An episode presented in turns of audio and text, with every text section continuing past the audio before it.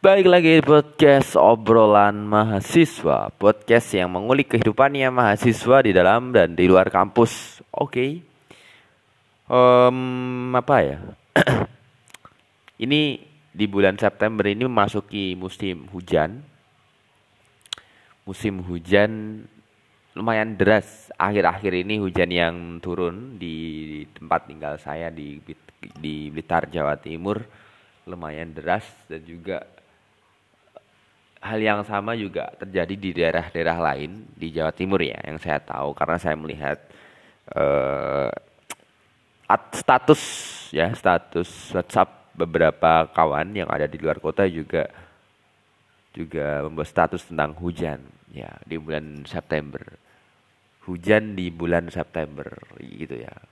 Kalau dulu sih enak ya kalau di sekolah kan diajarkan bulan April sampai Oktober itu musim apa musim kemarau kemudian Oktober sampai Maret itu eh, apa November sampai Maret musim penghujan gitu kan pun juga sebaliknya ataupun bagaimana itu. Tapi sekarang itu kan nggak bisa diprediksi kan kapan musim hujan kapan musim kemarau. Kadang-kadang sekarang panas terik sekali tiba-tiba malamnya hujan Eh, terus kemudian sekarang panas, kemudian besoknya lagi hujan. Itu tidak bisa diprediksi dengan baik gitu. Dan ini merupakan dampak dampak apa ya? Dampak dampak dari kerusakan alam sih, dampak iklim yang memang tidak bisa ditebak. Cuaca yang memang tidak bisa ditebak ini adalah salah satu dampak dari alam yang semakin rusak alam ini lingkungan terutama ya lingkungan lah bahas lingkungan. Lingkungan ini adalah sesuatu topik yang jarang amat dibahas dan diminati oleh anak-anak muda. Saya meyakini itu. Di saat teknologi mulai berkembang dengan pesat kemudian kecanggihan yang dibawa oleh teknologi itu mulai dirasakan oleh masyarakat dengan begitu mudahnya bagaimana mengakses internet dengan cepat kemudian eh, tidak perlu repot-repot. Ini akhirnya juga membawa dampak buruk terhadap perilaku manusia. Perilaku manusia yang sebenarnya bisa lebih apa ya, bisa lebih hidup dan manusia itu bisa lebih constant, bisa lebih me- apa bisa lebih merawat lingkungan ini tidak ternyata. Itu kan. Ini sangatlah tidak.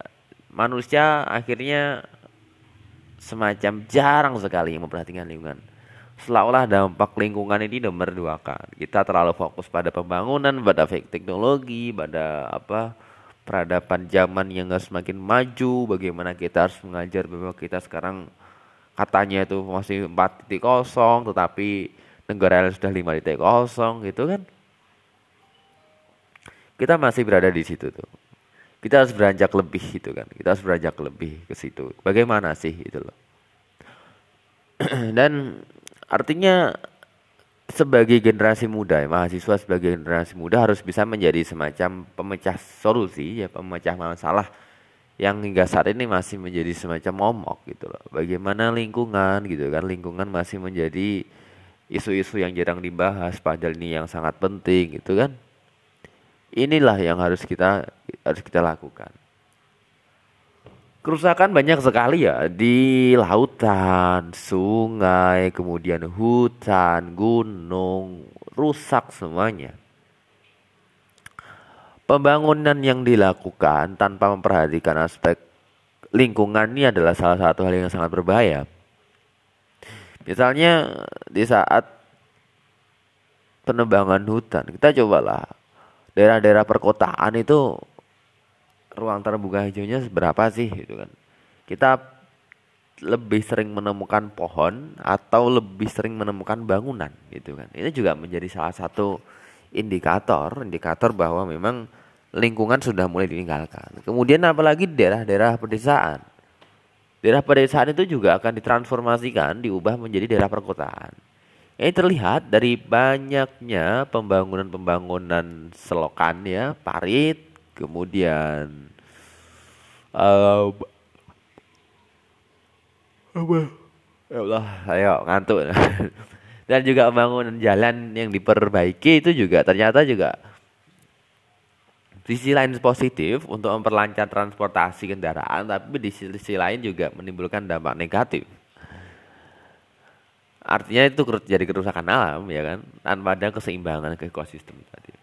Dan diperparah lagi adalah di daerah-daerah di luar Jawa ya, di luar Jawa bagian pembangunannya yang dianggap masih sangat kecil, infrastruktur masih sangat minim, itu coba dibangun pesat oleh pemerintah dengan cara pemerintah membangun sebuah jalan tol, membangun sebuah apa selain jalan tol, pemerintah juga membangun sebuah bandara, pelabuhan dibangun semuanya. Tapi pada saat pembangunan akhirnya ada yang dikorbankan karena yang semula itu lahan hutan sangat luas, sangat rindang akhirnya harus di lahan hutan itu harus di apa? ditebangi untuk dibangun tembok-tembok yang tinggi, dibangun bangunan tadi seperti jalan tol, kemudian bandara, pelabuhan dan lain-lain. Atau artinya ada yang korbankan itu kan. Kemudian um, adanya kendaraan bermotor gitu kan. Kalau dahulu kendaraan bermotor masih sangat jarang, tingkat polusi yang ada di daerah itu kan sangatlah minim dan di daerah perkotaan juga masih belum sangat banyak seperti saat ini. Karena saat ini kendaraan bermotor sudah sangat banyak, sudah sangat menjamur dan banyak setiap or setiap orang bahkan memiliki motor, bahkan ada yang lebih dari satu. Itu menyebabkan banyaknya polusi udara yang ada di di di, di apa? di perkotaan ya, di desa bahkan juga seperti itu.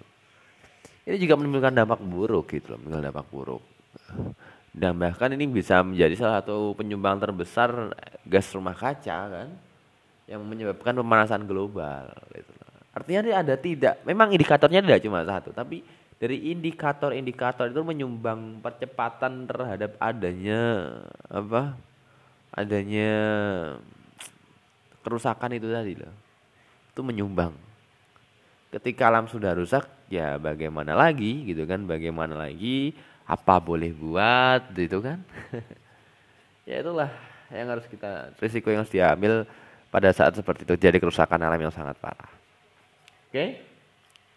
Kemudian saya beranjak kepada langkah-langkah yang bisa diambil, solusi apa yang bisa dilakukan ketika kita sudah mengetahui bahwa alam kita semuanya rusak, kemudian banyaknya banyaknya polusi udara, kemudian juga udara yang kita tidak tidak segar, air yang kita kita apa kita buat mandi, kemudian airnya tidak tidak tidak murni tidak murni lagi. Apa yang bisa kita buat? Sebagai anak muda sebagai mahasiswa yang katanya itu gerak yang punya gen apa salah satu agen perubahan gitu kan yang enggak nantinya seperti itu. Apa yang bisa kita lakukan.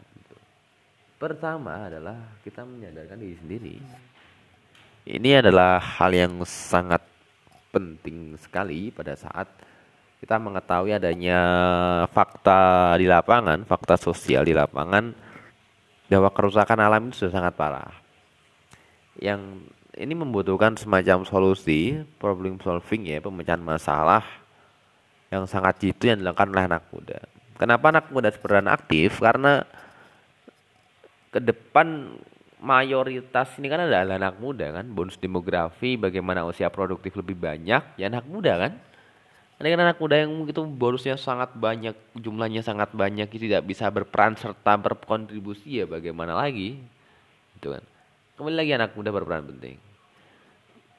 Ya, nantinya kita harus bisa sadar pada diri sendiri bahwa ternyata lingkungan itu adalah hal yang sangat penting. Lingkungan tidak bisa dikesampingkan meskipun kita juga memburu pembangunan, gitu. Kan. Pembangunan tetap kita laksanakan, tapi kita juga memperhatikan aspek lingkungan. Karena ini menjadi hal yang sangat penting. Ketika aspek lingkungan dikesampingkan, ya artinya ya kita seperti menge, seperti memberikan racun pada diri kita sendiri.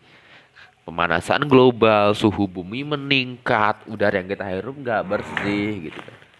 Itu itu adalah contoh-contohnya. Kemudian adalah yang lain selain satu adalah angkanya adalah kita menyadarkan diri sendiri. Yang kedua adalah kita memberikan penyadaran kepada orang lain setelah diri sendiri, tentu orang lain harus bisa kita sadarkan. Karena penghuni bumi ini kan bukan hanya kita saja. Penghuni bumi ini adalah bagaimana kita hidup dengan masyarakat yang sangat banyak, yang sangat beragam. Dan nantinya mereka juga butuh pemahaman, mereka juga, butuh kita sadarkan agar mereka juga ikut turun serta berperan menjaga lingkungan ini agar tetap tetap baik ya kan tidak terjadi kerusakan. Itu. Maka harus, harus kita libatkan. Kalau mereka masih belum sadar, ya kita berikan kesadaran. Kalau mereka masih acuh ya kita berikan agar mereka itu peduli. Itulah yang harus kita lakukan. Itu nomor dua ya. Karena kita kalau kita di bumi nggak nggak mungkin sendiri kan, ada bermiliar manusia yang lain yang ada di muka bumi. Kita memberikan kontribusi, kita minimal nanti memberikan penyandaran kepada kelompok yang kita ikuti, organisasi yang kita ikuti, paguyuban yang kita ikuti, komunitas yang kita ikuti, atau bahkan di lingkup keluarga sekalipun kita juga bisa berkontribusi memberikan penyadaran kepada orang lain. Yang nomor tiga adalah um, penyadaran pertama tadi, penyadaran diri sendiri, kemudian yang kedua adalah penyadaran orang lain, yang ketiga adalah um, apa? Mulailah dengan hal-hal kecil. Mulailah dengan hal-hal kecil. Contohnya, hal-hal kecil di sini hal-hal kecil yang memang ini memperhatikan aspek lingkungan yang ini berkontribusi baik untuk lingkungan. Hal-hal kecilnya apa? Misalnya kita menanam tanaman di polybag itu hal yang sangat kecil hal yang sangat kecil tapi mempunyai manfaat yang sangat besar. Satu tanaman itu bisa menjadi angin kita ini kita ikut memberikan sedekah oksigen bahasa bahasa bahasa bahasa kerennya gitu. Kita ikut memberikan sedekah oksigen. Satu tanaman yang baik itu nanti bisa berkontribusi untuk menyuplai oksigen yang nanti berguna untuk diri kita sendiri maupun orang lain. Kembali lagi, ini aspek masyarakat umum. Ini bukan karena penghuni bumi adalah bukan bukan diri kita sendiri. Andai kan ada orang-orang lain yang juga menanam itu pasti juga hal yang sangat baik. Minimal di halaman rumah lah, minimal di halaman rumah. Tanaman kecil di polybag. Kemudian mungkin tanaman buah di lahan. Kemudian tanaman di sawah jelas ya tanaman-tanaman pangan, tanaman-tanaman apa tanaman-tanaman buah itu kecil-kecil cabai dan lain-lain itu Kemudian juga ada mungkin di hutan, hutan yang memang pohonnya sudah tua ditebang diganti dengan pohon yang baru. Itu adalah hal-hal yang kecil dan itu sebenarnya sudah diajarkan pada waktu masih di tingkatan sekolah dasar. Cuman masyarakat Indonesia itu kan juga alah apa itu gitu kan, sudah lupa semuanya gitu. Dan juga kesadaran mereka itu luntur karena mereka terlalu berburu masalah yang terlalu materialis, ya. Itu itu itu perlu kita perhatikan, itu perlu kita perhatikan dan apa sekali lagi ini menjadi pembelajaran bersama bahwa ternyata lingkungannya adalah hal yang sangat penting ya buat pemerintah saya juga perlu nih pemerintah halo pemerintah kita harus memberikan memperhatikan lingkungan pemerintah jangan cuma pembangunan saja pemerintah. Karena lingkungan adalah hal yang penting pemerintah gitu kan. Itu salah satu hal penting. Hei masyarakat gitu kan. Kita juga harus berperan penting masyarakat menjaga lingkungan agar tetap asri, agar tetap ekosistem tetap terjaga gitu kan. Hei masyarakat adat, Anda sebagai penghuni daerah-daerah yang masih mungkin masih dalam artian masih belum masih apa ya, masih punya ciri khas budaya sendiri itu itu pertahankan. Kalau ada masyarakat lain yang mengusik, cobalah berikan penjelasan bahwa ini adalah lahan adat yang ada hukum adatnya yang sudah turun temurun dan ini memang masyarakat bersedia seperti itu. Coba jelaskan karena memang kita tidak bisa berperan tunggal dalam memerankan menjaga lingkungan menurut saya. Kita tidak bisa berperan tunggal. Kita masih membutuhkan uluran, kita masih membutuhkan bantuan dari orang-orang lain, organisasi lain, paguyuban lain. Karena kita tidak bisa bergerak sendiri. Bergerak sendiri dengan bergerak bersama-sama beda hal ya.